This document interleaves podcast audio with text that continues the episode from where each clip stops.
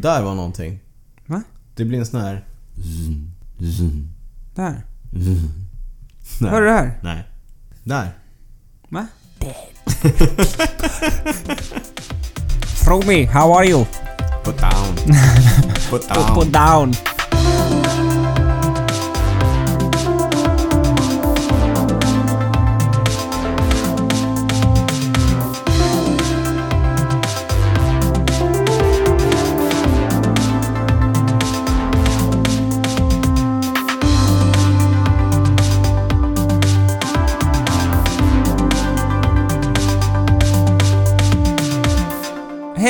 Och välkomna till ett nytt avsnitt av Cykelwebben-podden. Det är avsnitt nummer 16. Ja! Hej Daniel! Tjena Niklas, jag är också här. Du är här. Ja. Det är avsnitt 16. Jag heter Daniel Rytz. Du heter Niklas Hasslum. Och det är vi som gör Cykelwebben-podden. Det stämmer. Som sagt, för 16 gången eh, Kan du relatera det till något i, i cykelvärlden? Du tänker så, att, så att vi har eh, koll? någonting med Mark Cavendish kanske? Varför inte? Ja, nu har vi ju eh, en mer än Giro-etappsegrar. Mm, precis, han har vunnit 15. Han har vunnit 15. Vi lämnade det här vad fort tiden går. Mm. Så nu har vi Som- som jag jobbade med. helt, helt på Mark Cavendish och hans eh, etappsegrar i olika etapplopp. Ja. Girot och touren. Ja, Vad ska vi eh, prata om idag förutom vilket avsnitt det är och hur mycket Mark, den lille manksmannen ja men har vi, vunnit? vi knyter an där till Mm. girot. För Såklart. vi ska ju snacka jättemycket girot. Girot som avslutades eh, för en vecka sedan när vi släpper Mm. avsnittet. Och eh, för några dagar sedan när vi spelar in. Vi spelar in på tisdag. Mm. Och eh, det är långt tills vi släpper. Ja. Så att eh, ni får ha lite överseende om vi har missat, om det har hänt något Just det. stort i cykelvärlden mellan tisdag och måndag. Ja, men det beror ju på att vi har lite logistikutmaningar den här veckan. Precis, men eh, vi vill ju inte svika er lyssnare Nej. och komma ut sent med ett avsnitt. Nej, Så måndag är det sagt. Det, må, varannan måndag. Ja, Det är det som varannan gäller. måndag. Det gäller. Det var bra att du på, på Ja. det. Varannan måndag, det är sagt. Så att eh, tisdag kväll, här sitter vi och bandar. Eh, vi, som sagt, vi pratar girot. Mm. Vi kommer även prata med Henrik Orre, eller vi kan säga så här. Du har pratat med, med Henrik Orre. Ja, jag har satt mig ner med Henrik som ju är eh, velochef. Mm, nu nu han tänkte jag att alla hade koll på Henrik Orre. Ja, Henrik eh, har ju tidigare varit kock hos eh, Team Sky. Mm. Han har lagat deras mat eh, när de har varit ute på tävlingar. Han Mm. har också lagat mycket av det de har med sig i, i ryggfickorna under Ja. etapperna. Han har också skrivit böcker om det. Mm. Och i dagarna har han släppt en, eh, han har släppt två sådana böcker. Mm. I dagarna har han släppt en tredje bok som eh, handlar lite mer om en annan typ av matlagning och det kommer han då att prata lite mer om i den intervjun som jag gjorde med honom. Eh, och den intervjun avslutas ju med lite tips kring Vätternrundan som står för dörren. Precis. Eh, så därför tänkte vi också köra lite eh, sista minuten-tips. Inför Vätternrundan. Ja. Jag har ju gått och blivit lite av en Vätternran. Vätternran. Det finns en ordvits där någonstans. Ja. Ja. Du har cyklat ganska många Vätternrundor, eller? Sex Vätternrundor. Jag var tvungen Sex. att gå in på Vätternrundan och eh, kolla mina resultat. Eh, Sex gånger har jag cyklat Vätternrundan. Vi kan återkomma till Vi dem. kan eh, återkomma till det. Men du har fått en annan nummerlapp har du sagt. Ja, men jag tror att jag... Eller jag, jag, jag tror man får en annan medalj efter att man har gjort fem. Så att den sjätte gången eller något sånt. Ja, jag är inte helt Men har du det. kvar medaljerna? Någonstans i någon låda. Mm. Eh, tror jag. Mm. Då vet vi det. Men eh, förutom Giro d'Italia, Henrik Orre och eh, tipsen inför Vätternrundan så blir det såklart Hänt sen sist. Det är det klassiska stående inslaget i Cykelwebben-podden. Ett annat stående inslag i Cykelwebben-podden, det är när vi berättar var ni hittar oss när ni inte lyssnar Ja! på oss här i Cykelwebben-podden. Och det vet ni att ni gör på Instagram, Twitter och eh, Facebook och naturligtvis Niklas favorit, cykelwebben.se. Bra att du Och, sa det. och på cykelwebben.se så vet ni att ni alltid kan hitta länkar till sånt vi pratar om, Mm. alltid bilder, eh, lite, Videoklipp. Mycket videoklipp kör Ja. vi, ja mycket videoklipp. Och, Rörlig eh, bild. Mm, det, det, det, Det gillar de där ute. Det gillar de på internet. Ja, visst. Eh, Det hittar ni alltid på cykelwebben.se i samband med att vi släpper avsnitt. Och sen så har vi börjat säga att du finns på Instagram. Ja, just det. En Eh, rolig prick. ja, man gör så gott man kan va? Ja. Ja, Men du eh, gör det bra. tack. Det. Och Ja. jag är inte så rolig, men jag skriver lite om cykel på Twitter. Cycling Nico. Med tre C. Mm. Just det. Och du. Ja. Och så det sista. Mm. Vi finns på mail också. Ja, det gör vi. Info at cykelwebben.se. Vi sa inte att vi heter Cykelwebben på Twitter, Instagram och Facebook, men eh, det vet ni vid det här laget. Ja. Man får jättegärna höra av sig. Det är ju ganska många som gör det. Vi har fått jättefina meddelanden där... eh, Ris och ros. Ja, ris och ros. En del eh, konstruktiv kritik, Mm. det tar vi gärna emot. Det är vi ganska bra på. Eh, en del beröm, det är vi superbra på att ta Ja. emot. Ja.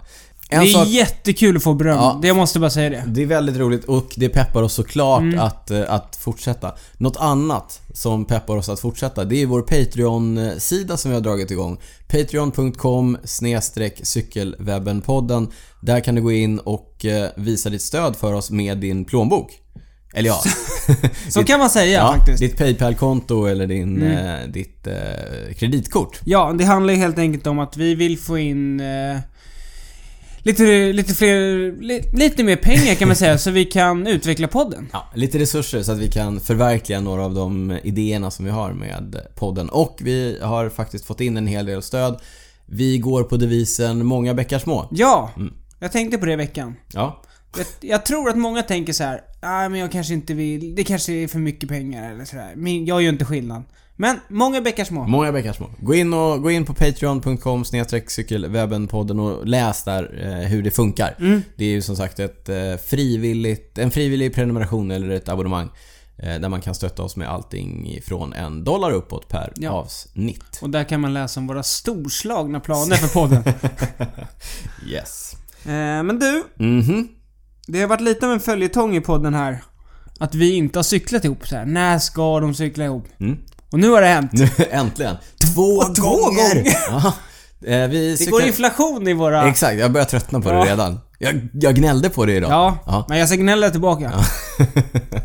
vi eh, cyklade ihop i söndags, en superfin kvällsrunda. Just det, det var söndag. Jag hade redan cyklat. Jag hade kört ett distanspass på eh, fyra och en halv timmar. Mm. Och sen sa du så här, du jag tänkte cykla ikväll. Eh, eh, Du ja. körde dubbelpass? Ja, jag, jag kunde inte låta bli för Nej. så sugen var jag på att cykla med dig Niklas. Mm. Ja. Jag körde för sig också dubbelpass. Jag hade sprungit på förmiddagen. Just det, vaden höll. Vaden h- håller. Vaden håller. Vaden Härligt. håller. Vi kör, jag körde ju faktiskt lite livesändning från vårt eh, Just cykelpass där. Vi körde söder om, eh, söder om stan. Mm. Superfin kväll. Det var roligt. Jag är jätteglad över att eh, du är tillbaka på cykeln. Mm. Mm. Det är jättekul att vara tillbaka på cykeln. Yes. En annan grej som eh, hände. Vi avslutade ju, vi avrundade ju med att eh, käka lite här Mm. på Södermalm. Och då sprang vi på... Det var inte så mycket vi som sprang på någon. Nej, det var, det var han som sprang på Ja, oss. han cyklade på oss nästan. Ja, det gjorde han. Jakob Wik ifrån eh, ryska posten. Mm. Och eh, vi snackade då om att eh, göra en liten intervju med honom framöver. Så Mm. att eh, håll ut eh, poddlyssnare och eh, ryska posten-fans. Det kommer Ja. någonting med eh, Och Jakob. bancyklistfans. Ja, ba- exakt. Och budfans. Så- ja. Eh, Så håll ut, det kommer någonting med Ryska Posten och Jakob Wik och eventuellt någon annan ifrån Ryska Posten framöver. De har ju fortsatt vara aktiva och är ute och tävlar i Europa och Mm. eh, nu hemma i Stockholm. Jag hade ju glädjen att tävla emot dem i förra veckan också. Mm. Ja. Det har gått ganska bra för dem. De hade ju en ledartröja i någon av tävlingarna nere i, I Polen. Polen var det va? Etapplopp. Rickard Larsén. Yes, två ledartröjor faktiskt. Jag tror de kom hem med spurttröjan Mm, därifrån. men han hade ledartröjan... Ja, Rickard hade det. Mm. totalen inför sista etappen tror jag. Ja, tappade på slutet. Men eh, Sindre Haugsvärd tror jag han heter, deras Mm. norska spurtare. Han kom hem med spurttröjan. Om jag inte har fel. Men eh, Niklas, det är inte bara du och jag som har eh, cyklat. Det har du faktiskt väldigt, väldigt rätt i. Ja. Nej, det har ju varit eh, mountainbike-tävlingar. Världscupen. Ja. Världscupen. Just det. Eh, två! Två, Två stycken. Ja, på högsta nivån. De är inte så regelbundna de där, de kommer lite klumpar så. Ja. eh, Det har varit i Alpstadt, Tyskland och eh, Nove Mesto i... Tjeckien. Precis. Ja. På här sidan så har ju Nino Schurter vunnit båda. Han, vinner allt. Vinner verkligen allt. Ja. Han är rätt vass. Hyggligt vass. Ja. På damsidan så vann Jolanda Neff, hon Mm. är ju världsmästare, regerande världsmästare. Hon vann i Alpstadt och i Nove Mesto så vann danskan, Annika Langvall. ja, roligt. Eh, Danskarna, de dominerar överallt. Inte bara på landsvägssidan, även i bergen. Mm. Och här på hemmaplan så har det också tävlats i eh, mountainbike. Eh, Klassiska långloppet eh, Långa Lugnet har Just körts det. i Falun. Ja. Hanna Bergman, hemmaåkaren från Falu CK, vann veteranen Hanna Bergman före Emmy Telberg och Linn Gustafsson. Hon vann i överlägsen stil. Det gjorde hon verkligen. Hon hade sex minuter i Ja. något sånt. Mm. På här sidan eh, lite tajtare i eh, Emil Lindgren, också dalmas. Från Säter va, tror jag. Mm. Mm, det är mer än vad jag vet. Tävlandes för eh, alle, Serneke Allebike för eh, lagkompisen Dennis Wahlqvist. Dennis Wahlqvist och också dalmasen Johan Landström. Ja, jag börjar se en trend här. Ja, Landström, också veteran får man, får man ändå kalla honom. Gammal räv. Tidigare cykelvasa-segrare också, Landström. Vi har ju tidigare pratat om att herrarna var och tävlade i Kalifornien. Just det. Amgen Tour of California. Ja. Det går även, eller det har även gått ett damlopp. Mm. Amgen Tour of California Women's Race Empowered with SRAM. som vanns av eh, Katie Hall, Ja. United Healthcare. Mm. Eh, och nu till lite roliga nyheter. Det var ju den här, eh, nu är det lite, lite oklart uttal här. Mm. Emma Cumin Birra. Ja, ja, det är klassiskt etapplopp för damer i, I Spanien. Span- ja. Världscup, världscup va? Eh, Ja, World Tour ja. World Tour heter det, förlåt. Exakt. Mm. Vanns av Amanda Spratt Mm. för eh, Annemiek van Vleuten Ja. och eh, Anna van der Breggen. Så det var en dubbelseger där för Mitchelton Scott. Mm. Men nu till det roliga. På etapp 3. Svensk framgång. Emilia Fahlin kom tvåa. Igen Emilia Fahlin, eh, on fire skrev vi i förra avsnittet och härligt att se att det fortsätter. Ja. I en eh, ännu lite större tävling än, eh, än den hon vann senast. Så att ett eh, World Tour Race och uppe på pallen, det är imponerande kört av eh, Emilia. Starkt, eh, starkt kört av Ja, Örebro-tjejen. Exakt, hon satt med i en utbrytning där och... Eh, så de gjorde upp om det, utbrytningen. Mm. Höll undan. Ja. Två Vi, bakom Amy Peters. härligt. Vi gratulerar till ytterligare en framgång. Och eh, vi kanske försöker få tag på Emilia för ett litet snack i Mm. podden. Nu när den är så himla framgångsrik där ute på... Mest framgångsrika cyklisten i år va? På... På- I alla fall på de högsta nivåerna. Det skulle jag absolut säga. Ja. Mm. Nej, det får, vi, det får vi kolla upp och se om vi kan eh, få ett snack med Emilia och kolla lite grann vad planerna är framöver. Du eh, brukar ju ha koll på vad Lars Boom har för sig. Ja, Boomwatch är ju ett stående inslag i Cykelwebben-podden. ja, vad hände förra gången? Det var när han eh, hade eh, lappat till någon. Ja, han hade stökat runt i, i klungan och blivit diskvalificerad ifrån eh, Tour of Norway va? Just det. Mm. Sen var ju han och körde, han stannade kvar i Norge. Mm. Körde där, vad heter den? Tour of the Fjords. Ja, var det det? Ja. Ja. Inga resultat skriver hem om. Han verkar ligga lite lågt nu. ja. Mycket hemmatid ser det ut som. Ja, jag såg att han var och plåtade familjebilder va? Ja. Hos fotografen. Ja. Mycket studiotid. ja, precis. Ja. Så det är väl egentligen det, det som finns att rapportera. Hur, eh, vad tror du om hans torchanser? Han var ju och rekade sa du förra veckan, den här eh, Roubaix-etappen alltså. Mm. Just det. Med, med, med kullersten och så vidare. Tror du han får köra touren? Ja, det är svårt att säga, men Mm. De kommer ju förmodligen gå all in i Lotto Jumbo för eh, Dylan han- Spurtaren. Ja, precis. Spurtaren Dylan Groenewegen. Ja. Och han har ju varit med och kört här i Norge. Ja, ja, Så att det kan ju vara Ja, att de, samma gäng där Ja, och- samma gäng. Så att Där är ju, Bohm är ju en eh, stark... han är bra att ha sista tre Ja, kilometerna. Verkligen stark Ta en ordentlig där. förning där absolut. sista. Mm. Vi håller Typ tummarna för att vi får se. Bohm i, uh, Groenewegens tåg Ja. för, för touren. Det kan bli, det kan bli häftigt. Eh, så... Ja, det var väl det om eh, gode Lars. Ja, Vi går vidare från eh, mitt favoritämne till ditt favoritämne. ja. Prylsvepet. Det har också blivit ett eh, stående inslag Mm. i Cykelwebben-podden. Den här veckan har det hänt en del, förstår du. Mm. Vi kommer ju prata lite mer Giro alldeles strax, men jag dyker rakt in i, i, i Girot och vi nåddes ju av eh, lite rykten här på eh, framåt slutet av Girot att eh, Chris Froome hade bytt sadel. Vilken, Ja. vilken grej ändå. Men är det här, är det bekräftade rykten?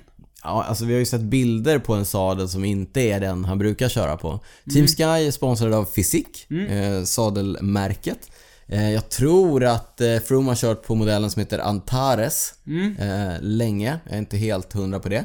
Men eh, enligt uppgift då så bytte han under de sista etapperna på girot till en sadel som inte kommer ifrån fysik utan det ryktena säger är att det var en specialized sadel av Okej. modellen Power.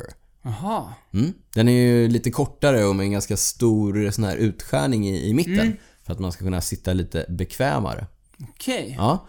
Stora, stora nyheter. Ja, verkligen. Men det sägs att, det sägs att eh, när han vurpade, han vurpade ju inför den första Ja, etappen i Jerusalem. När han tempot. precis. Och att han eh, har haft lite problem med, med ett sittsår, alltså ett sadel Ja. eh, sittsår. Och att eh, han fick ju, han hade problem med det och som han inte riktigt blev av med med sin vanliga sadel. Mm. Sen så bytte han till den här eh, specialized sadeln Ja. enligt uppgift. Och eh, sen vet vi vad som hände. Han vände på steken så, Mm. Så att säga. Spännande. Om det berodde på sadeln eller inte, det, eh, det låter vi vara osagt. Om han kommer fortsätta köra på den eh, efter eh, girot, det låter vi också vara osagt. Det blir ju naturligtvis en lite prekär situation för eh, fysik som ju lägger massor av pengar på att han ska köra på deras sa- sadlar. Eh, Det blir en inte lika prekär situation för Specialized som eh, då kan visa upp att inte Eh, Trots att han inte ens är sponsrad av dem så väljer han att köra på en, på en sån sadel. Så det, är, det är ju intressant. Det är inte jätteofta en sadel får så här mycket uppmärksamhet Nej. som, som den har fått här. Senast jag kan tänka på, det var när Fysik faktiskt då släppte sin Arione. Kommer du ihåg den? Det var nästan innan din tid va? 1982. Jag tror att det var, eh, jag ser om jag kan simultan eh, googla här, men, men i samband med girot eh, som Gilberto Simoni vann när han körde i Saeto-stallet. 2000... Ja, det var, det var länge sedan. Så släppte ju Ario, eh, Fysiken en ny modell med, som heter Arione, som var extra lång. Mm. Okej. Eh, ja, den var extra lång och lite, lite smalare. Så, och då var, då var tanken, tanken att man kunde få ut lite mer kraft om, eh, om den inte var, om, om den inte tog i låren lika mycket. Jaha. Och att den var lite längre så man då kunde variera sin, eh, sin position Ah, lite okej. grann Ja. beroende på om man klättrar eller kör ut för eller om Ja. man kör platt och sådär. Eh, och den var det mycket snack om och den var ju väldigt, väldigt populär under några år, eh, Mm. Arionen. Eh, den extra långa Arionen. Det roliga då med Power-sadeln som nu sägs att Chris Froome körde på, den är ju extra kort. Jaha. Ja. Trender. Trender. Trender va? Ja. Men det, det var lite kul när du tog upp det här. Mm. För jag hade ju en liten anekdot då. Ja, Kommer du ihåg när eh, Vincenzo Nibali vände på steken? just det. Också i girot. Ja, han vänd, gjorde också någon sån här helt sjuk vändning Ja. sista etapperna. Men då ryktades också att han gjorde ett byte. Vad Men inte med sadel. Nej. Han bytte längd på vevarmarna. Ja, just det. Ja. till längre vevarmar. Ja. Eller kortare. Ja, det... jag tror... Jo, nej, det var nog kortare Mm. faktiskt. Går ju trender det där också. Mm. För några år sedan skulle alla ha kortare. Mm. Eh, 170 skulle man ner på oavsett hur lång man var och sådär. Mm. Ja, det gör ganska stor skillnad. På, på ja, min, eh, verkligen. Det är jätteskillnad. Ja, på min bancykel, velodromcykel, så har jag haft 165 mm vevar. Det är, det är väldigt eh, speciellt och Mm. stor skillnad mot 172,5 som jag har på, på min landsvägscykel. Mm. Men som sagt, det går trender i allting. Vad mer har hänt i veckan? Jo, eh, vi har sett att eh, SRM, som jag ju pratade om Mm. i förra avsnittet, Schoberer Radmes teknik. Just det, det borde jag ha frågat dig. Ja, det, det kunde varit en pop, varit lite- ja. popquiz. Ja, jag nej. tror inte jag hade klarat det faktiskt. Nej, det tyska företaget, pionjärer inom eh, wattmäteri. De var ju först med att göra en mobil Mm. eh, effektmätare. De har i dagarna tillsammans med Look släppt eh, wattmätarpedaler. Just det, Lux som gör... Eh, De är Eh, stora inom pedaler. Väldigt stora inom eh, pedaler. Så att eh, tillsammans med, med Look så har då SRM tagit fram en pedalbaserad effektmätare. Mm. Eh, samma idé som eh, Garmin det. eh, har det till exempel. PowerTap har det. Det finns några till tillverkare som har eh, Favero tror jag de heter, som har eh, mätning i, i pedalerna. Och nu då har eh, SRM gått in och, och eh, försöker slå sig in på den Ja. eh, marknaden. Tanken tror jag är att komma ner lite grann i, i pris. Mm. De är fortfarande betydligt dyrare än de andra pedalmätarna på, på marknaden. Eh, De, de eh, bundlar dem, alltså säljer dem tillsammans med sin egen cykeldator. Eh, Mm. P- PC8 Ja. heter den, Power Control 8. Och så vidare. Och idén är väl att bli lite mer en konsumentprodukt. Mm. Har det kommit någon pris... Prisindikation, jag tror att det jag såg var 13,99 euro för, för paret. Och Okej. då är det dubbelsidig mätning. Sen finns det väl en, en billigare Mm. variant som, eh, som kostar ungefär hälften skulle jag, skulle jag gissa. Eh, jag har inte sett någon, eh, något ordentligt test på dem. Nej. Men om jag känner SRM rätt så skulle de inte släppa någonting som inte var Nej. tillräckligt bra ut på marknaden. Det ska bli spännande att se vad, vad som blir av det där. Jag kan, en, får jag bjuda på en lite rolig anekdot? Mm. Jag har ju kört SRM väldigt länge. Mm. Jag har haft SRM-mätare på mina cyklar länge. Och det här med att de kanske inte riktigt är en konsumentprodukt. Nej, just det. Mm. Nu ska jag berätta hur man eh, går tillväga när man byter batterier i sina. SRM-vevar. Ja. Eh, och, och betänk då att det här är alltså ett par eh, vevar som när de, när de kom Mm. så kostade alltså en sån här uppsättning i runda slängar 30-40 tusen för att Okej. få effektmätning på sin cykel. Mm. Priserna har gått ner lite. De har gått ner lite grann. Det är lite mer tillgängligt nu för tiden. Men, säg då att man eh, fick batteritorsk på sina SRM-vevar. Ja. Ja, och ville byta batteriet. Då behövde man göra följande. Skruva av vevpartiet ifrån cykeln. Mm. Antingen bara paketera det i, i en kartong, skicka det till Tyskland, betala 1500 spänn, vänta i kanske två veckor, Mm. eh, få tillbaka det och skruva på det på sin eh, cykel igen. Inte jättekonstigt men det är ändå 1500 spänn och man behövde göra det kanske en gång varannat år. Ändå ganska mycket pengar. Ganska mycket. Mm. Eller varje år, lite beroende på eh, hur mycket det drog och Ja. Ja. Man kunde ge sig på att göra det själv. Och då Mhm. innefattade det följande eh, moment. Mm. Är du med nu? Ja. Skruva av vevpartiet från cykeln. Skruva av klingorna ifrån vevpartiet.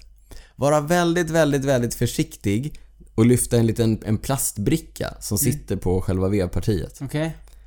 Löda ut ett batteri som, som fanns fastlött inne i, i det här vevpartiet och mätaren. Ja, härligt. Eh, Tok-googla för att hitta det här batteriet därför att batteriet var nämligen ett, ett superobskyrt litet batteri som egentligen användes i dataservrar för att klara backup-kraften. Beställ ett sånt från USA eller England som, som kanske kostade eh, 300 spänn. Mm. Modifiera det lite grann därför att man var tvungen att böja till polerna så att det passade i SRM-mätaren. Löda in det på plats. Sätta tillbaka den här plastbrickan, skruva fast klingorna igen med momentnyckel så att, eh, så att det var jämnt överallt. Och sedan då eh, återmontera vevpartiet på cykeln. Ganska smidigt, eller hur? Mm. Verkligen. De här 1500, de framstår ju som rätt billigt ändå. Ja, i, i, i sammanhanget. Absolut. Du kanske undrar hur man byter eh, batteri på den eh, Quark-wattmätaren som sitter på min eh, cykel där ute. Ja, verkligen. Ja, man skruvar bort en liten lucka och så stoppar man in ett nytt, vad heter det, 2032 Ja. eh, det, det är som stages. mynt. Ja, exakt. Exakt. Ja, Det, det är gjort på två minuter och kostar 20 spänn. ja men spä... vad, vad började, vi började med pedalerna. Ja. Men spännande. Jag cyklade med en... Jag har inte bara cyklat med dig, jag cyklade med en annan också. Ja, Och han kör eh, Garmin-pedalerna. just det. Och det han, han, han har inte kört med dem innan, men han tycker att det är så superenkelt. Mm. Det är ju bara att skruva på. Bara skruva på och Så- börja köra. Apropå det här du pratade om att allt kanske inte är jätteenkelt. Nej, det har hänt en del sedan 2006 tror jag när jag köpte min första, mina första SRM-vevar. Mm. Det ska vi vara tacksamma för. Jo. Kul med teknik va? Den stora japanska jätten Shimano har nu släppt en ny version av sin toppgrupp Mm. för mountainbike, XTR. De Denna har släppt, legendariska grupp. ja, de har släppt mycket nytt på... De har uppgraderat många. Mm. Både på landsväg och Ja, det händer, precis, det händer mycket. Så nya XTR-gruppen för både trail och eh, race, Mm. eller lite mer enduro och lite race, två olika varianter. Enkelklinga, enkelklinga Mm. eh, alternativ, dubbelklinga alternativ. Eh, Det finns lite olika varianter på, på bromsar beroende på hur kraftiga man vill ha och hur lätta Okej. man vill ha. Så Ja. det är väl, du väljer egentligen mellan eh, om du vill ha det superracigt eller lite racigt. Mm. Det är ju fortfarande XTR, det är ju top of the line Ja, så det, är- det är fin, fina grejer alltihopa. Eh, och där måste man ju ändå säga att på mountainbike-sidan har det ju hänt fruktansvärt mycket de, de senaste åren. Eh, jag har ju en eh, landsvägscykel från 2006 som jag då och då gillar att träna och eh, ibland också tävla på. Mm. Jag skulle nog inte ge mig på att tävla på en mountainbike från 2006. Ja, Du skulle nog inte ge dig på att tävla på mountainbike överhuvudtaget. det har du i och för sig rätt i. Men, men det känns som att det har hänt väldigt, väldigt mycket på, Verkligen. på mountainbike-scenen vad gäller teknik och prylar. Och Jag är lite sugen på att köra lite mountainbike kanske. Jaha! Testa den nya XDR-gruppen, Okej. vet? Ja, det vore... Jag gillar ju när det är enkelt liksom. Det känns som att saker och ting har blivit mycket, mycket enklare Ja. i skogen. Men Spännande också att Shimano, de är ju inte först på bollen när det gäller singelklinga Nej, de, men de är ju sällan först på bollen. Eh, De gillar ju att göra saker ordentligt innan de Mm. lanserar mot kund och det gissar jag att de har gjort eh, här också. Så att Ja. det ska bli spännande att se XDR-gruppen in the wild så att säga. Ja. Och se vad, eh, vad den går för. Mm. Mm. En annan grej som vi pratade om eh, förra veckan när vi gjorde vår sån här Instagram livesändning innan podden. Mm. Det var ju en nyhet ifrån eh, det svenska energiföretaget Mårten. Just det. Som sen, ju vi har intervjuat i ett eh, tidigare Ja. avsnitt. sen glömde vi nämna det i podden. Precis. Mårten har gjort sig kända för den här sportdrycken Mm. som är extremt energirik men snäll mot magen va? Ja, Eh, nu har de också släppt en gel. Just det. Mårten-gällen. Även den, samma idé där. Energirik men snäll mot Ja. magen. Den har jag faktiskt testat. Okej. Ja, och den är väldigt intressant i konsistensen. Den är Mhm. På vilket sätt då? ja, men den är någonstans mellan en gel och ett vingummi skulle jag säga. Okej. Ja, så att den är inte rinnig. Nej. Men, och den är heller inte liksom eh, så. Ett varmt vinigummi. Jättevarmt vingummi. Mm. Mm. Men eh, rätt trevlig att få i sig. Smakar inte så mycket. Men det känns som att den ger en rätt bra kick ändå. Okej. Så att eh, Mårten-gällen, testa den eh, där ute. Ja. Eh, ja, återkommer till det här med att testa energi och sådär i mina Vättern-tips. Just det. Som Bra. vi, som vi kommer till. Men innan vi kommer till det Niklas. Nu ska du få prata om Giro d'Italia som ju vi har avnjutit de senaste tre veckorna. Ja, precis. Och vilket Giro det var sen. Ja, en helt osannolik avslutning. Det är nästan som man inte tror att det är sant. Mm. Men jag tänker att vi kanske börjar lite tidigare. Ja, börja tidigare. För eh, Simon Yates dominerade ju verkligen girot fram tills etapp nummer 19. Fram tills han inte gjorde det. Ja, Det är som vi har sagt om Tubeless. It's great, it's great until it doesn't work anymore. exakt. Han tog ju tre etappsegrar och det var ju många som sa och ställde sig frågan, är det klart liksom? Mm. Ja, jag trodde nästan det. Ja, han Mm. föll... Det var ju... Ja, det var ju makalöst vad stark han var.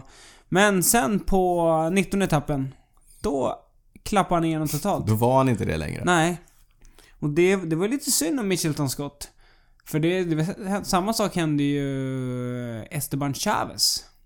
Så två ordentliga genomklappningar Mm. på deras eh, kaptener. Sen var jag också inne lite på det här med Rowan Dennis, kommer du ihåg det? Just det. Som vill gå från tempospecialist till eh, GC Contender. Ja, och jag var lite tveksam Du var till det. skeptisk. Mm. Ja. Men han låg ju bra efter tempot. Ja. Han låg ju typ 6-7. Ja. Men på de två... På etapp 19 och 20. ja. Då tappade han sammanlagt en timme. På två etapper, ja. Apropå genomklappning. Mm. Men då det är väl så att han tappar en timme. Det är ju så här när man märker att han tappar 20 Ja. minuter. Då kan han ju lika Exakt. gärna tappa en timme, eller hur? Han tappade 14 minuter på den etappen när Froome gick iväg. Ja. Eh, Så då försökte han ju ändå. Men sen var det på etappen efter där, då tappade han ju 45 minuter. Mm. Nu Så- säger du den etappen när Froome gick iväg som att alla vet vad du pratar om. Ska vi... Eh, Ja, ska Ja. vi gå in på det? låt oss.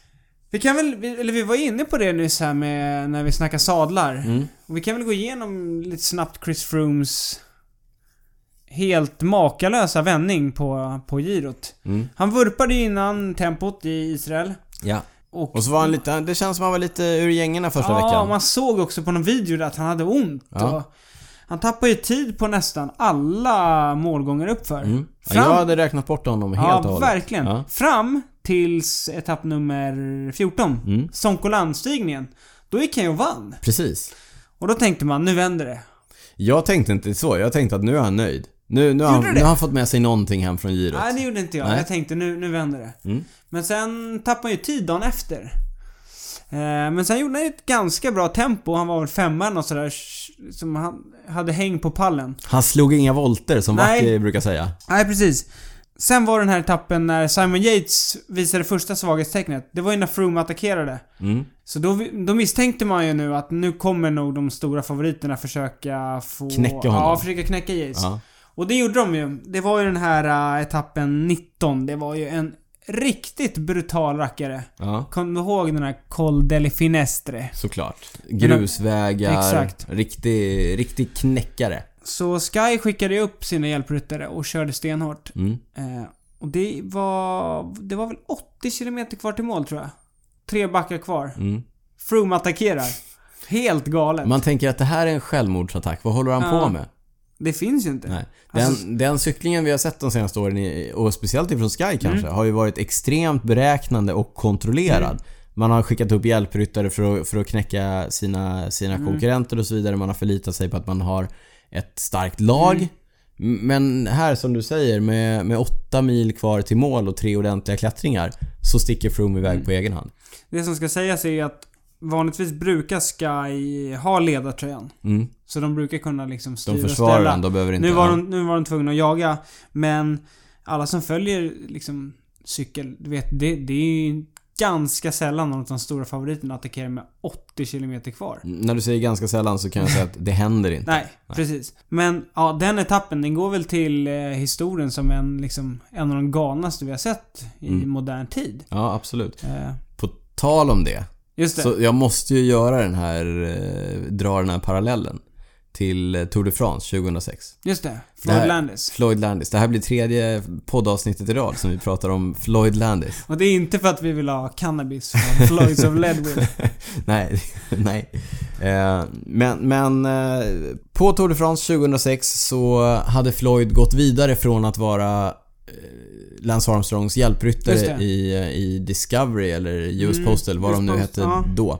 Eh, körde för Phonak Hearing Systems, ägt av Andy Rees, som vi också har nämnt i, i podden. Nyligen, eh, Rest in peace. nyligen bortgångne Andy Rees, ägare av Phonak som gör eh, hörapparater och BMC som gör cyklar.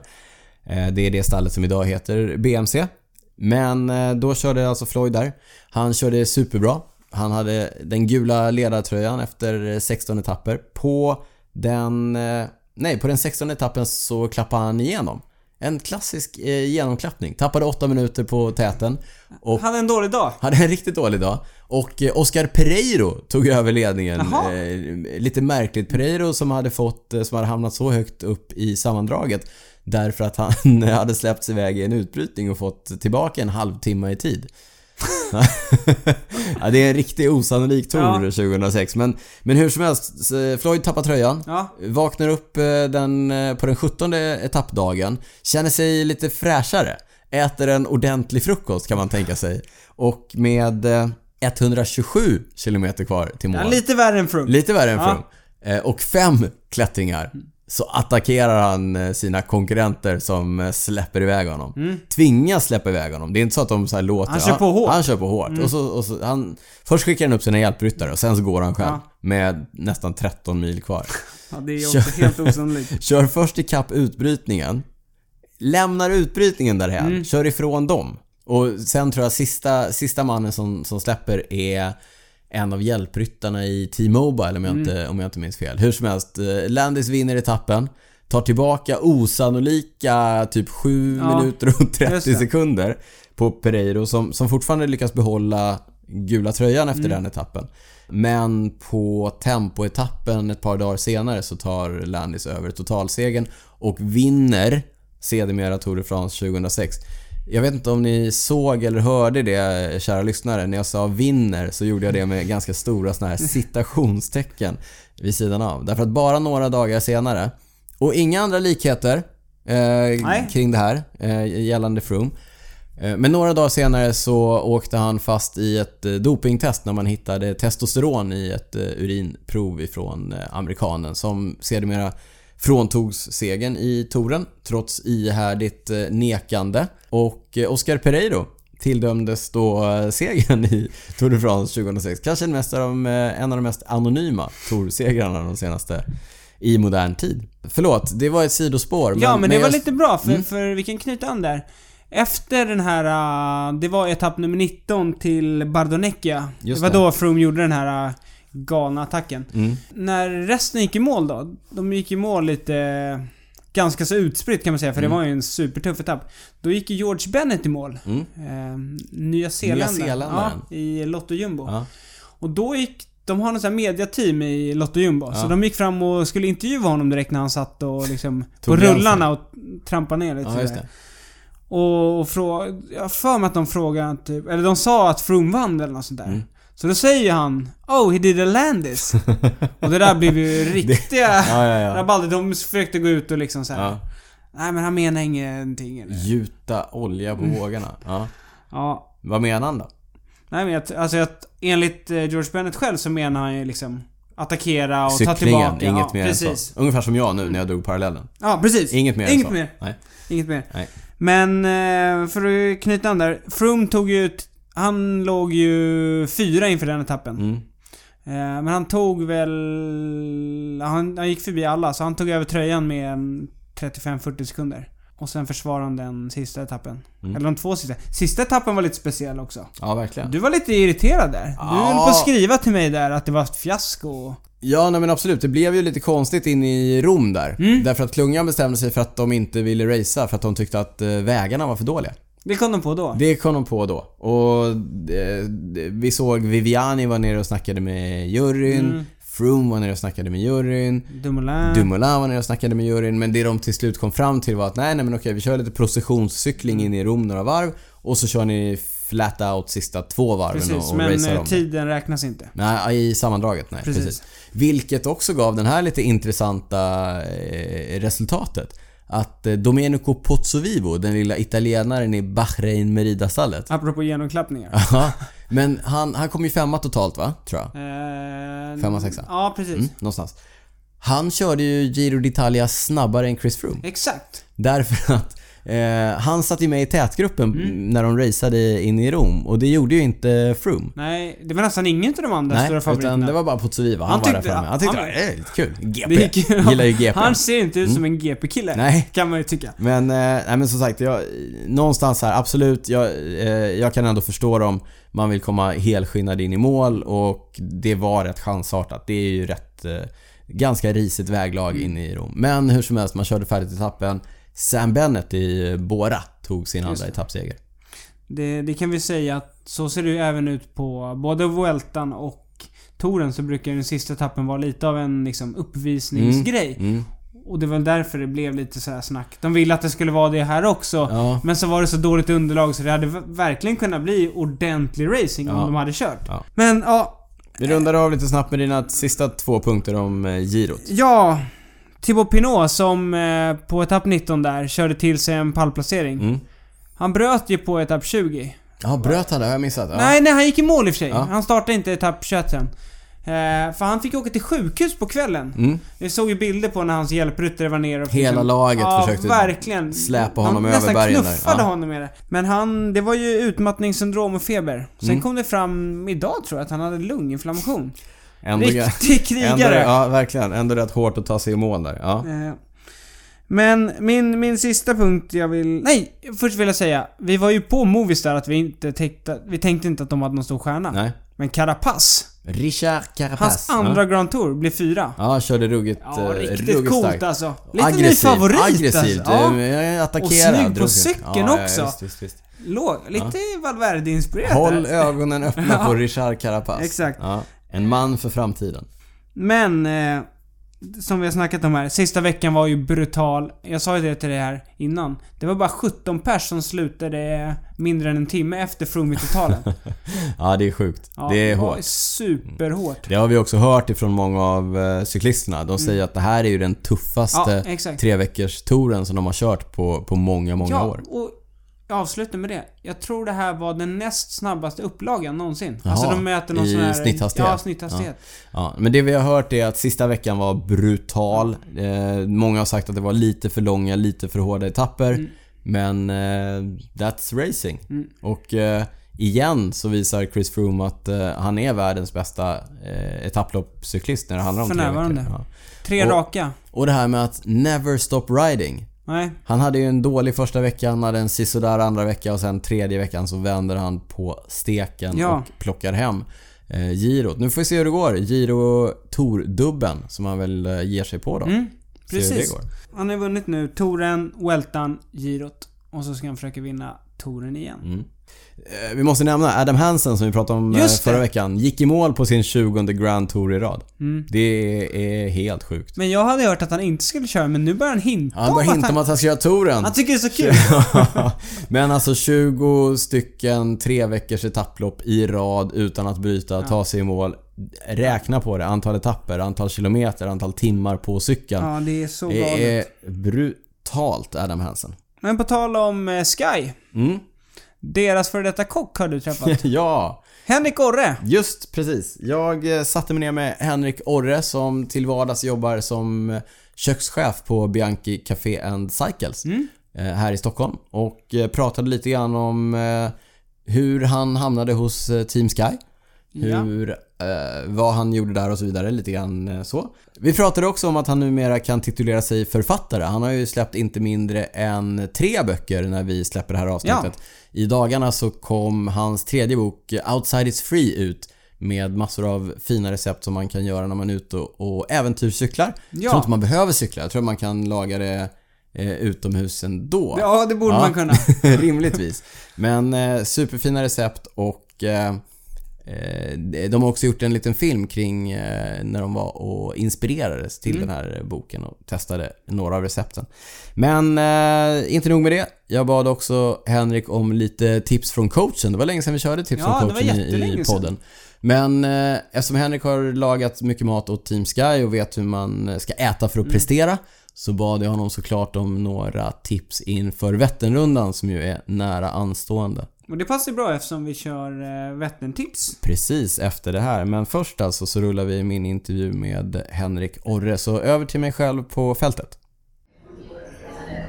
Ja men sådär, då sitter jag här med eh, Henrik Orre på din eh, arbetsplats Henrik. Vi, var är vi någonstans? Ja, vi sitter på Bianchi Café and Cycles eh, som jag har jobbat nu senaste året sen, eh, sen de flyttade till nya adressen kan man säga på. Norrlandsgatan. De flyttade 200 meter så Ja. det var ju inte så jättelångt. Så hade jag turen att bli eh, eh, kontaktad av Pelle Lydmar som skulle dra igång det ihop med Salvatore Grimaldi den här gången. För att ja, ha lite bättre fokus på, på maten och framförallt kunna göra lite mer och att erbjuda ett större ut, urbud kan man säga efter att man hade ett lite bättre kök och sådär. Mm. Så här sitter vi nu och ja, ja, vi har haft öppet ett år, precis firat ettårsjubileet. Och eh, tackar, tackar. Så ja, vi tar fart vidare. Ja, men det är köket som du eh, har Ja, inte enbart, helt oväntat. eh, exakt. Nej. Jag är enbart bara köket och så har vi andra duktiga människor som tar hand om cyklar och, och den biten. Ja. Men, eh, men menyn har jag satt ihop och, och, och leder liksom organisationen Mm. på, på köket varje dag. Vi kan ju tipsa eh, våra lyssnare om att jag har ju varit här och ätit några gånger. Ja. Det är väldigt, väldigt gott. Ja, vad bra. Du- Vilken du- tur. Det här jobbet är du bra på. Ja. Tack. Men jag du- brukar säga det. Det är, det är det enda jag kan. Det är ändå, ja, men det är ändå ditt jobb. Exakt. Men du, eh, eh, innan du stod i köket här, Ja. så, eh, och det som du kanske är mest eh, känd för i Ja. cykelkretsar, så Ja. har du varit eh, kock åt eh, Team Sky ute Ja. på vägen. Ja, exakt. Hur hamnade du där? Ja, det var... ehm, jag har bott nu i Stockholm i eh, snart 11-12 år va. Eh, och sen... Eh, jag- jag flyttade hit enbart på grund av jobbet eh, 2011. Eh, eh, förlåt, förlåt, 2007.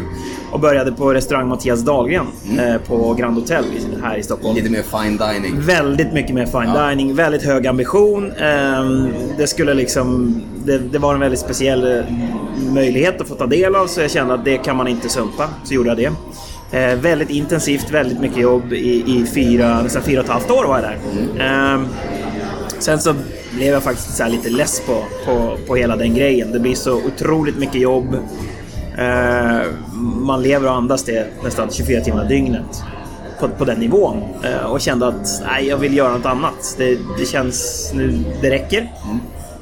Så jag, jag valde att kliva av det i 2011. Ja. Eh, och då eh, blev jag ganska snabbt så fick jag ett eh, mail från en, eh, från en, en, en bekant och tidigare kompis av min, min bror.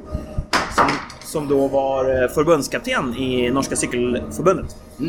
Steffen Kärgård. Eh, och eh, undrade om jag kände någon kock som kunde vara med dem på, under VM. För året innan hade Tor Hushovd vunnit eh, landsvägs-VM. I Geelong. I Geelong, exakt. Australien 2010. Så det hade ju gjo- gjort att Cykelförbundet helt plötsligt satt med ganska mycket mer resurser och ekonomin ganska snabbt gick i vädret. Och, och det betöd att de kunde ta med sig en kock som kunde liksom förfina och göra bättre mat åt, åt killarna och tjejerna såklart. Så jag eh, föreslog mig själv faktiskt. Ja, men det... att det här... är någon. Ja, exakt. är någon. Ja, jag, jag sa att det, jag, jag ska börja få mig själv lite frilans. Så, att jag tar det lätt. Ja. Så att, eh, det var Köpenhamn 2011. Ja. Eh, och det, blev, det var jättekul. Eh, jätteskoj. Jag gjorde året efter igen i eh, Firenze, Florens och sen även OS då 2012 i London. Med norska Eh, landslaget. Med norska cykellandslaget, absolut.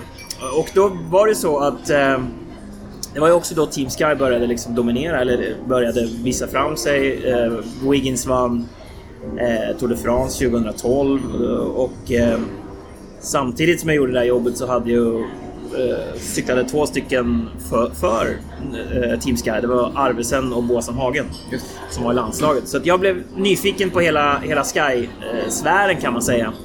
Och frågade Kurt om han eh, kunde hjälpa mig att liksom få en fot in. Om det var någon, någon jag kunde kontakta för att, för att komma in och se vad de gjorde. Så det fixade han. Så 2013 i januari så åkte jag ner eh, och, och hängde en vecka med, med den dåvarande kocken i, eh, eh på Mallorca där de har sitt träningsläger varje, varje år. Varje samma ställe. Så det var... eh, Fick du provlaga då? De fick smaka? Var det Nej, så var det inte. Det var mer så här, okej det här är vad jag har tänkt att göra. Använd de här råvarorna, gör vad du vill med det. Så att det var så här, och jag hade nog kanske lite...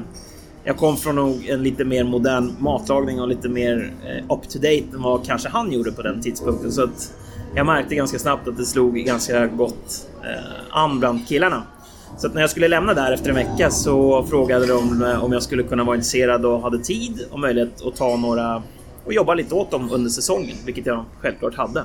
Så första året 40-50 dagar. Eh, andra året 90 dagar ungefär. Och sen eh, tre säsonger med 150-160 dagar. Ja. Så då blev det lite ja, det är lite slitsamt kan jag förstå. Ja, det är det ju. Det är ju I och med att är- säsongen är ju ganska komprimerad. Så det gör ju mesta, part, mesta av den tiden gör man från mars till september. Det är då allt händer i princip. Det är då det konkurreras som mest. Så det är väldigt intensivt när det väl står på. Eh, och man är mycket, mycket borta i den perioden. Så det var ju det som till slut tar ut sin rätt. Då. Att man, att man, är lite, man tröttnar lite på, på, på hela det resandet. För det, det är ju... eh, Jag skulle vilja säga det är, det är väldigt kul och det är ett fantastiskt jobb men det är framförallt fruktansvärt hårt. Man jobbar i lätt 15, 14-15 timmars dagar varje dag. Så det är liksom bara jobb, jobb, jobb. Eh, och sen får man vara ledig såklart när man är hemma men det, det, det är ju väldigt intensivt. Det kändes rätt att lämna när jag gjorde det. Mm. Så nu, eh, ingenting med, med Sky längre. Nej. Du har däremot så, förutom att du står här på, på Bianchi, så eh, är du ju också författare till Ja. Svårt att Två- använda den titeln på mig själv. Ja. två men snart tre kokböcker. Ja, exakt. Ja. Eh, faktiskt den här veckan så kommer nummer tre eh, ut. Eh, den heter Outside is free. Ja, Ett eh, eh, mat och cykeläventyr med Velochef. spännande. Eh, exakt.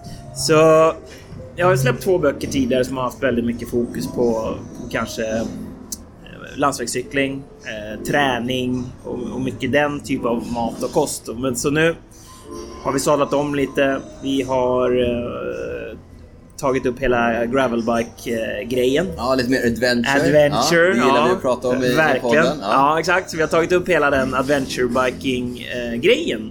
Eh, som, som jag själv har, eh, jag har cyklat extremt mycket grus de senaste åren. Mm. Senast jag fick den och bara blivit helt tagen av hela den grejen och, hur kul det faktiskt är och, hur, hur, hur liksom racigt det kan kännas på grusvägar om man har rätt verktyg. Så vi åkte till Norge förra året. Ett eh, skönt gäng på nio grabbar. Mm. Var där en vecka. Det är en liten eh, liten by mellan, eh, mellan havet och en liten stor insjö. Det är Kurt Arsle Arvesens Ja. lilla hemby, måste vi säga. Yes. Så det finns en Ja, stor det finns- cykel... Det är mycket kopplingar med Kurt här. Han har ja, mycket det han har, han har eh, mycket. Men, men det finns ju då en, eh, en liten cykelby och det andas eh, natur och utomhus och liksom hela det här stället. Det, det, är- det, är en pärla. En, det finns ju en, ni har gjort ju en video. Ja, exakt. Eh, Den har jag sett. Ja. Eh, maffigt, vilken, vilken natur. Ja, den är, den, det är ju ganska lätt eh, när man är där uppe att det blir sådär för att det ser ut överallt. Man bara går ut på morgonen så så är det sådär vackert och, och det är en tacksam miljö att jobba i och det var lite det vi sökte. Vi ville ha det här dramatiska, de här bilderna som på fjordarna, fjällen och, och hela den grejen.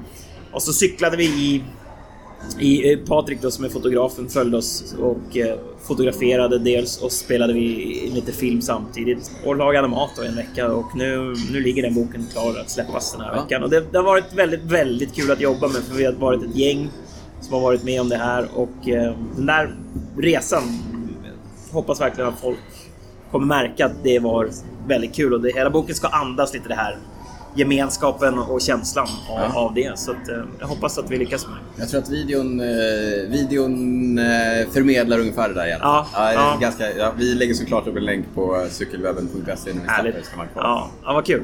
Eh, men du, din egen cykelkoppling. Du, eh, pratade vi om det? Hur du hamnade Nej. i hela cykelgrejen egentligen? Nej, jag har ju, eh, jag har ju växt upp i en, en väldigt eh, cykelfamilj. Med både min pappa och min bror var eh, tävlingscyklister i Norge. Eh, båda på ett väldigt högt nivå. Båda är norska mästare.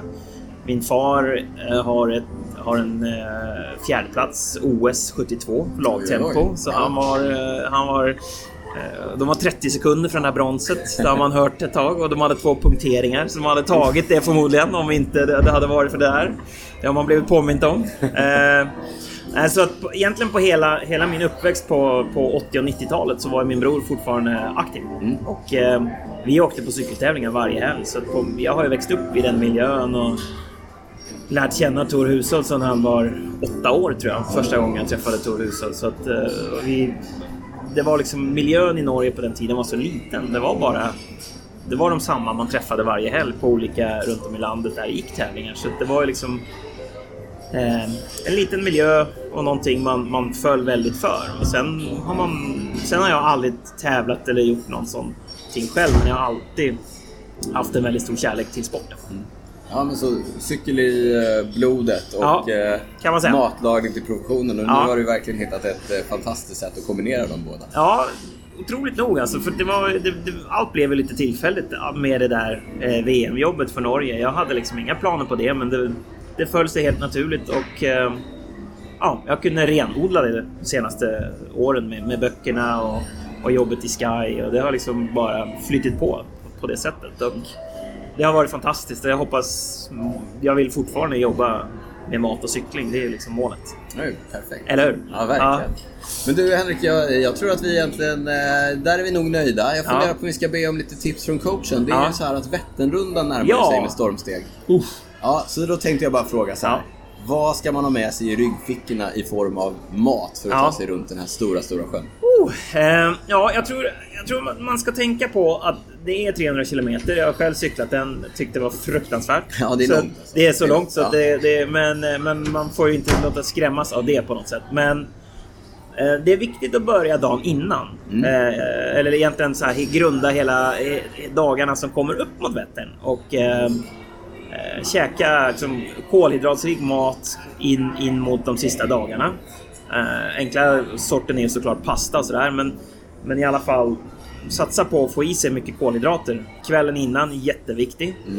Eh, och sen när man lägger iväg så, så är det ju antingen så kan man eh, göra riskakor. Har du något tips om någon bok där, där det finns några recept? Ja, ja, det finns ett par bra Ja. böcker som, där det finns en del bra recept på det. Vi kan lägga upp länkar till det Ja, också. exakt. Ja. Velochef kan, kan jag rekommendera. Ja. Sen, nej men det är viktigt och det här att fylla på ofta. Man får inte glömma det. det Äta och dricka hela äta tiden. och dricka hela tiden. Det, det är ju lätt att bara liksom... Om man, drar, man, man cyklar ut från Jönköping och, och cyklar neråt så kommer man eh, och, i vinden och, och det känns lätt i början. Och man glömmer säkert i början för man är liksom så, så taggad på det här. Men det är jätteviktigt att börja med en gång och, och, och dricka. Och, Väntar, och man, väntar man med att äta tills man känner att man behöver det, då är det Ja, då är det sent. för sent. Exakt, det är den gamla, det är en klassiker. Ja. Men ja, ehm, men, men och gärna om man kan göra någonting själv tycker jag alltid är bäst. Eh, sen de här eh, köpgrejerna, eh, bars och allt sånt, de ger ju det de ska, absolut. Men, men vill man liksom försöka få en, en lite bättre, mer smakfull upplevelse så, så gör någonting själv. Kanske något enkelt som en liten... Och sen, i och med att man ska cykla så pass länge så, så kan det bli väldigt mycket sött. Alla bars och de här gelsen och sånt i, i huvudsak som säljs, de är sockerrika. Så ett tips, eller som, som Sky-killarna, det var att de kanske för att bryta av paletten lite fick någonting salt. Eh, det kunde vara typ en liten baguettebit med, med lite Philadelphiaost och lite skinka, lite ost bara för, bara för att bryta av det.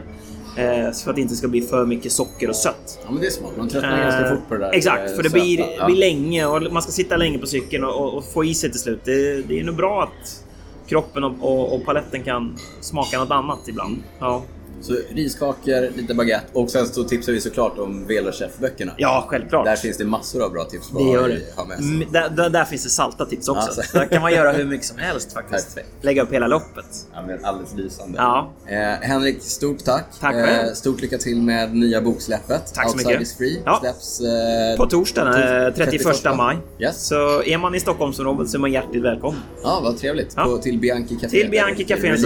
Exakt. Härligt. Man eh, kan bara täcka upp det. Ja, men då så. Ja, Stort tack. tack själv. Bra jobbat! Tack. Du är ju bra på att intervjua. det, det är lätt med någon som Henrik som eh, vet vad han snackar om. Mm. verkligen. Och, gärna dela med sig av det han kan också. ja, Fantastiskt kul roligt. att höra. Ja. Eh, det känns som att eh, den här Outsiders Free också ligger rätt, ligger rätt, rätt i tiden. Väldigt mycket så. Gravelcykling är stort nu. Mm. Och lite sådär, man eh, packar lite camping, lite Mm. äventyr. eh, Allting behöver inte vara så hetsigt. Man Nej, kan... inte så eh, tävlingsfokuserat liksom. Nej, försöka njuta av det lite mer. Ja. Så att jättekul. Jag ska, ja vi får se. Kanske vågar oss på att laga någonting ifrån, Ja, ifrån precis. boken framöver. Kan vi sitta och smaska bara i webb, cykelwebben på den studion. Vi fick ju några bra tips här med... Mm. Riskakor ja, och eh, lite baguettebitar kanske. Ja, lite salt och sådär. Mm. Eh, men det för oss in på dagens tredje ämne. Ja. Tips inför Vätternrundan. Ja. För Eh, nu, nu är det nära. nu är det nära. När vi släpper podden är det mindre än två veckor. Ja. Tills de som är anmälda ska kasta loss ifrån Motala, cykla ner till Jönköping, Upp cykla andra upp, mot. Jo, över Hammarsundet, tillbaka till Motala. Nu Du kan den här rundan. Jag har gjort det några gånger. Mm. Nu, du har ju lagt in också alla dina tider här i manuset. Ja. Så nu ska vi analysera. Nej, det kanske vi inte ska göra. Eller? Nu sitter Niklas och går igenom Ja, nu går jag igenom ja. här. Nu ska ni få höra. 2003, 908. Ja, det var första gången jag, eh, Då hade jag precis eh, egentligen börjat cykla landsvägs... eh, Cykla på landsväg. Mm, 2011, 720. Ja, där kan vi snacka rejäl genomklappning. Simon Yates alltså. Ja, det var Simon Yates-klass på den Mannen med hammaren kom. Ja, han, kom, han var obönhörlig när han kom. Jag körde med ett gäng som skulle köra på under sju timmar, vilket de också gjorde. Ja. Jag släppte efter 25 mil, jag vet fortfarande exakt var det var. Så att varje gång jag Är det bad feelings liksom? Ja, varje gång jag passerar det där eh, strecket Ja. eh, när jag har kört efter, efter det så ser det lite speciella känslor. Okej. Efter, efter 2011 sa jag att jag aldrig skulle göra det igen. Men, 2014. Ja, minnet är kort. 747. Minnet är kort. Som en Kent-låt. Eh, precis, just det. Ja men det var då, då fick vi ju frågan från Skoda Cycling Just Team. det. Både du och jag körde ju det Ja, då- året. ja, just det. Mm. Så det, var, det var första året med Skoda och sen efter det, vi behöver inte gå in på varje. Efter Sen har det blivit kört, tre till. eh, fyra till va? Eh, tre till. Mm. Fyra gånger med Skoda Cycling Team Ja. hittills, exakt. Och så en 50 år. Precis. Mm. Men eh, fem gånger har jag kört Vätternrundan under åtta timmar ändå. Och det gör dig Wow. perfekt att ta in som lite av en, eh, Ja. en expert på ämnet. Har blivit lite av en vätternran. Mm. Vi sa att det finns ett, en ordvits där någonstans va? Vätternräv, vätternran. Ja. Veteran. Ja men just det, precis. Jag tänkte att jag skulle bjuda på mina bästa sista minuten-tips inför Vätternrundan. Det bästa tipset är ju att börja förbereda sig tidigt och träna mycket men... men det är lite sent att det komma är med lite det tipset passerat, nu. exakt. Så att eh, vi kör de tipsen som ni kan ha nytta av nu så här två veckor inför rundan. Ja, mm. ja men jag, jag börjar Niklas, Ja, och så drar jag av Kör här. på, Ja. så kommer jag... Jag försöker komma med lite input här. Mm, det blir bra. eh, mitt första tips är att köra efter de yttre förutsättningar som ges och finns. Det vill säga, ha koll på vinden, ha koll på backarna och ha koll på gruppen som du cyklar i. Mm. Och det handlar egentligen om att inte stressa utan att eh, se vad det är som händer och köra ut efter det. Är det motvind så kan man inte räkna, om man har räknat med att hålla ett snitt på kanske 36 km i timmen och det är motvind, Då kanske man ner till Jönköping från Ja. Motala. Då kanske man får räkna med att snittet ner till Jönköping ligger på 33 kanske till och med. Precis. Därför att det är, det är motvind. Låt er inte stressas av det. Därför att när ni sen vänder upp från Jönköping så kommer ni få den eh, vinden i ryggen förhoppningsvis. Och då, och då ta igen det. Mm. Det går snabbare än man tror. Så det handlar lite grann om att våga ta det lite lugnare. Känna efter eh, liksom den upplevda ansträngningen eller om det är så att man kör med en effektmätare. Om man har koll på ungefär var man bör ligga. Det är bra att säga det, för det är väldigt lätt att gå för hårt om det är motvind. Precis, man sitter och så stirrar man sig blind på den här eh, hastighetsmätaren och snittet och tänker att åh, det går alldeles för långsamt, jag kommer aldrig klara Just min, det. min måltid. Men, men var lite lugn där och tänk att eh, det som jobbar emot dig just nu kommer jobba med dig när du vänder riktning sen. Samma sak med backar. Stressa inte upp för backarna utan ta det lugnt, se till att få med alla i gruppen. Bränn inte för mycket krut där. Även om du kanske känner dig pigg i backen och gärna trycker på lite grann. Så kanske du tröttar ut kompisen som sitter bredvid. Och eh, då blir ju han ett eh, ankare istället för en del av den här motorn när ni kommer upp på toppen.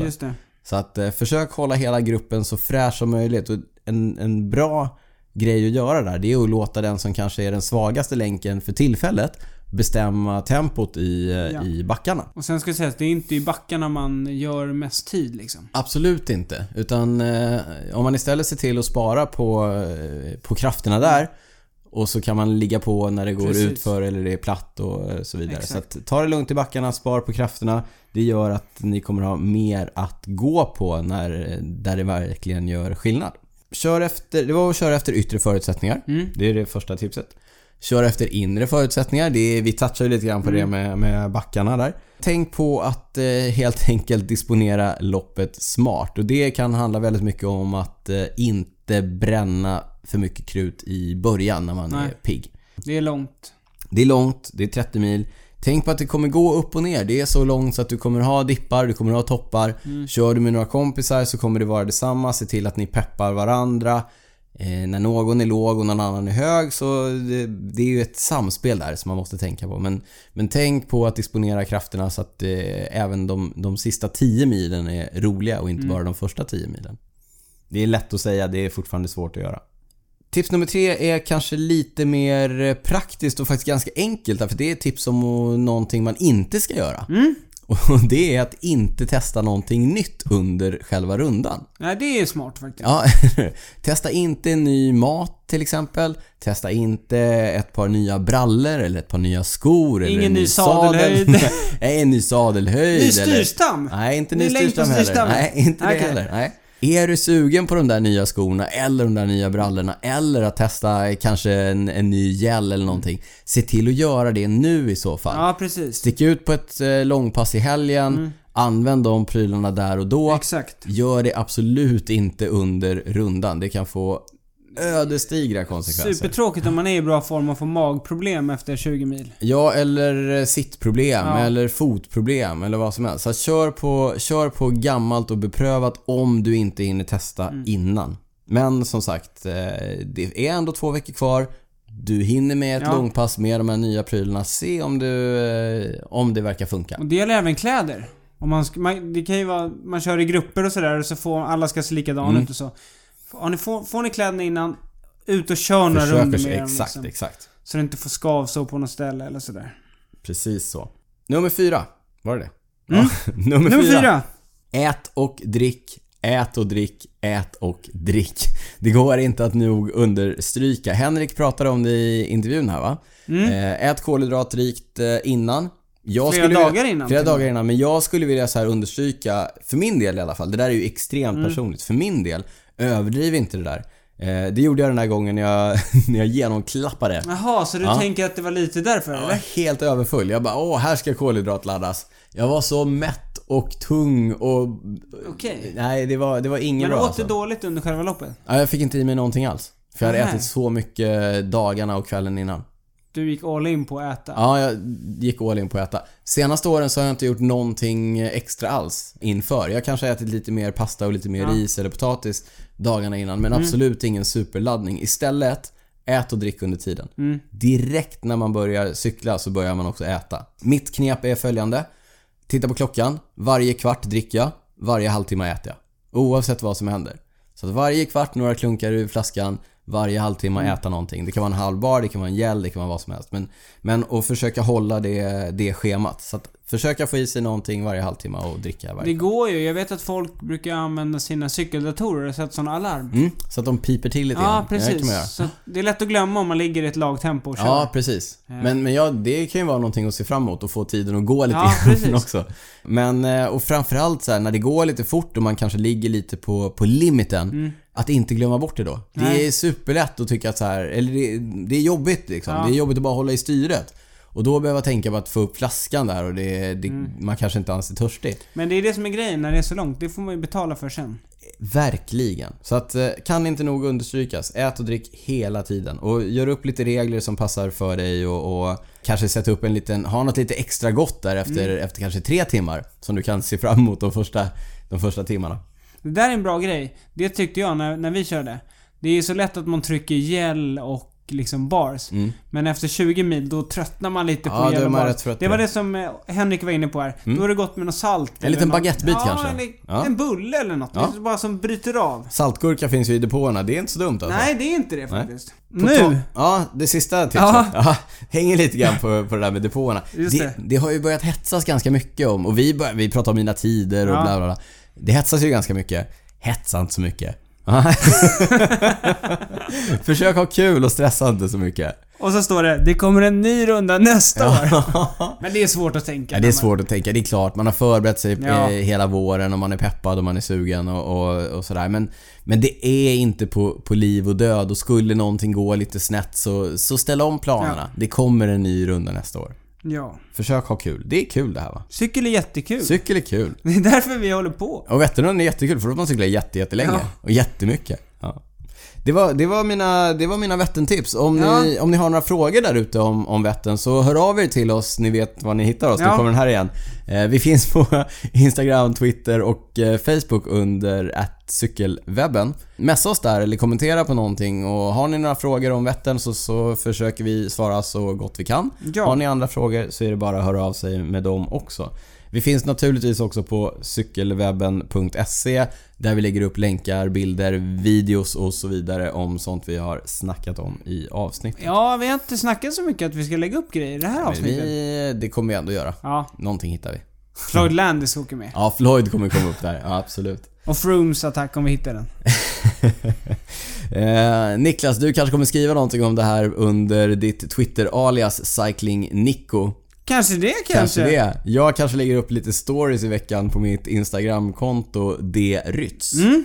Och eh, vill ni eh, komma i kontakt med oss annars så gör ni det på info cykelwebben.se. Det stämmer bra. Du märker att jag håller på att runda av eh, Ja. poddavsnittet. Men jag har några grejer innan vi slutar. Mm, låt höra. Dels eh, har jag börjat med det här att nämna våra nya patrons. Mm. Och då har vi tre nya patrons Yes. som vi vill tacka här Yes, i yes. podden. Erik Persson, Daniel Röst och Johan Stålbom. Härligt. Stort tack Erik, Daniel och Johan. Ja! Får Gör som, gör som Erik, Daniel och Johan. Gå in på patreon.com cykelwebben-podden. Läs där hur ni kan stötta oss. Exakt. Eh, och innan vi avslutar så har vi ju den stående punkten Vad har du inte kunnat släppa? Just precis. Och jag kan börja idag igen. Låt höra. Du vet ju att jag spelat ganska mycket fotboll. Det vet jag. Jag spelade fotboll jättelänge. Ja. Tills jag började cykla. Mm. Jag vet inte om lyssnarna vet det. Nej. Men nu vet de. Nej, det vet de inte. Men nu, nu vet de Eh, det. så jag kollar ganska mycket på fotboll. Ja. Eh, och i veckan var det ju Champions League-final. Ja. Mm. Det hade du inte koll på. du ser väldigt frågan, Nej, jag är inte, jag är inte ett jättestort ja. fotbollsfan. Jag kollar inte så mycket fotboll längre. Nej. Eh, men i alla fall, det var Champions League-final. Då, då satt jag på och kollade lite sådär. Och direkt såg jag någon som filmade. Mm. Och det här var samma kväll som det här kom ut när Pinot, eh, Thibaut Pinot låg på sjukhus. Jaha. Med lunginflammationen där. Ja, precis. Ja. Utmattningssyndrom, Ja, ja, feber och allt sådär. Och då blev det sådär lite... Tydligt. Ja, att det är en skillnad. tydlig, ja. Mm. Egentligen, jag tycker de här är lite störiga, du vet. Det brukar cirkulera såna här Det är- bilder, du Mm. vet så här. Det, li, det, någon ligger och filmar och så är det någon som cyklar Ja, det med blod liksom. Ja, det är en, så här, det är en klassisk bild på en fotbollsspelare som ligger och håller sig för knät och... Eh, jag tror att det är någon i jag, Movistar. ja, jag tror att det är Quintana. Här är Quintana. Ja, som är helt blodig och så står det, över fotbollsspelaren står det 'Pretends he's injured' Ja. och över Quintana det, står det pretends. he's okay' Ja. Mm. Den där brukar ju dyka upp, förlåt nu, nu tar jag din... eh, Ja, men det är okej. mm. Den brukar ju dyka upp för att visa hur hårda och häftiga Mm. eh, cyklister är. Eh, och att fotbollsspelare är, är mesar. Mm. Jag tycker så innerligt illa om den. Om bilden att- ja. ja. om bilden. Jag tycker den är superstörd. och, och hela grejen. Och anledningen är att det, det har ingenting med hur hård man är Nej. som fotbollsspelare eller, Nej. eller cyklist att göra. Det har bara med att göra vilka belöningar inom citationstecken som finns att hämta på det beteendet. Ja, lite Hade så. det, hade det lönat sig att filma i cykling, då hade ju cyklisterna legat kvar på asfalten och rullat runt i 20 ja, minuter. förmodligen. Så, så är det ju liksom. Eh, I fotboll så kan du ju vinna en, en eh, Champions League-final om du lyckas filma till en straff till exempel. Och då handlar det om miljontals kronor för den, Ja. som, för den som gör det. Ingenting konstigt. Du märker hur upprörd jag blir för Ja. jag tycker så illa om den här bilden. Ja, och jag håller med. Det var det jag ville komma. Egentligen, jag gillar verkligen inte de här jämförelserna. Men just den här gången blev det rätt tydligt faktiskt. Och som jag sa, jag spelar fotboll jättelänge. Jag har kollat jätte, jättemycket på fotboll genom åren. Men där, det blev, jag blev lite sådär trött Mm. på att kolla på fotboll när, när jag såg det där. Samtidigt ska ju sägas att det är ju inte, det är ju inte sunt att, att ta sig i mål på en bergsetapp i Nej, med nej vi lunginflammation. glorifierar verkligen inte Thibaut Pinots eh, Dumdristighet. dumdristighet. Men, så det har jag faktiskt inte kunnat släppa. Nej. Vad har du inte kunnat släppa då? När du och jag var ute och cyklade i söndags Mm. Så eh, på ett ställe så, vi försöker ju cykla på cykelbana så gott det går eller med lite omdöme Mm. och sådär. På ett ställe så kom vi lite fel så vi hamnade på vägen så vi, vi låg där Ja, det och kom körde. en kurva där som vi inte riktigt Ja, vi sa missade så kurvan. bra. Exakt. Så vi, så vi la oss i vägrenen så långt ut till höger som vi kunde. Och sen Som skickar ett- du på utan bara Ja, jag tryckte på så gott jag Ja. kunde. Men som ett brev på posten så kom det ju en BMW. Smet förbi oss supernära, hängde på tutan, svängde in lite nära eh, framför mig där och tryckte till på bromsen. Inte, inte så att det blev Mm. Nej, vi liksom... klarade oss. Vi klarade oss. Det var inte superfarligt.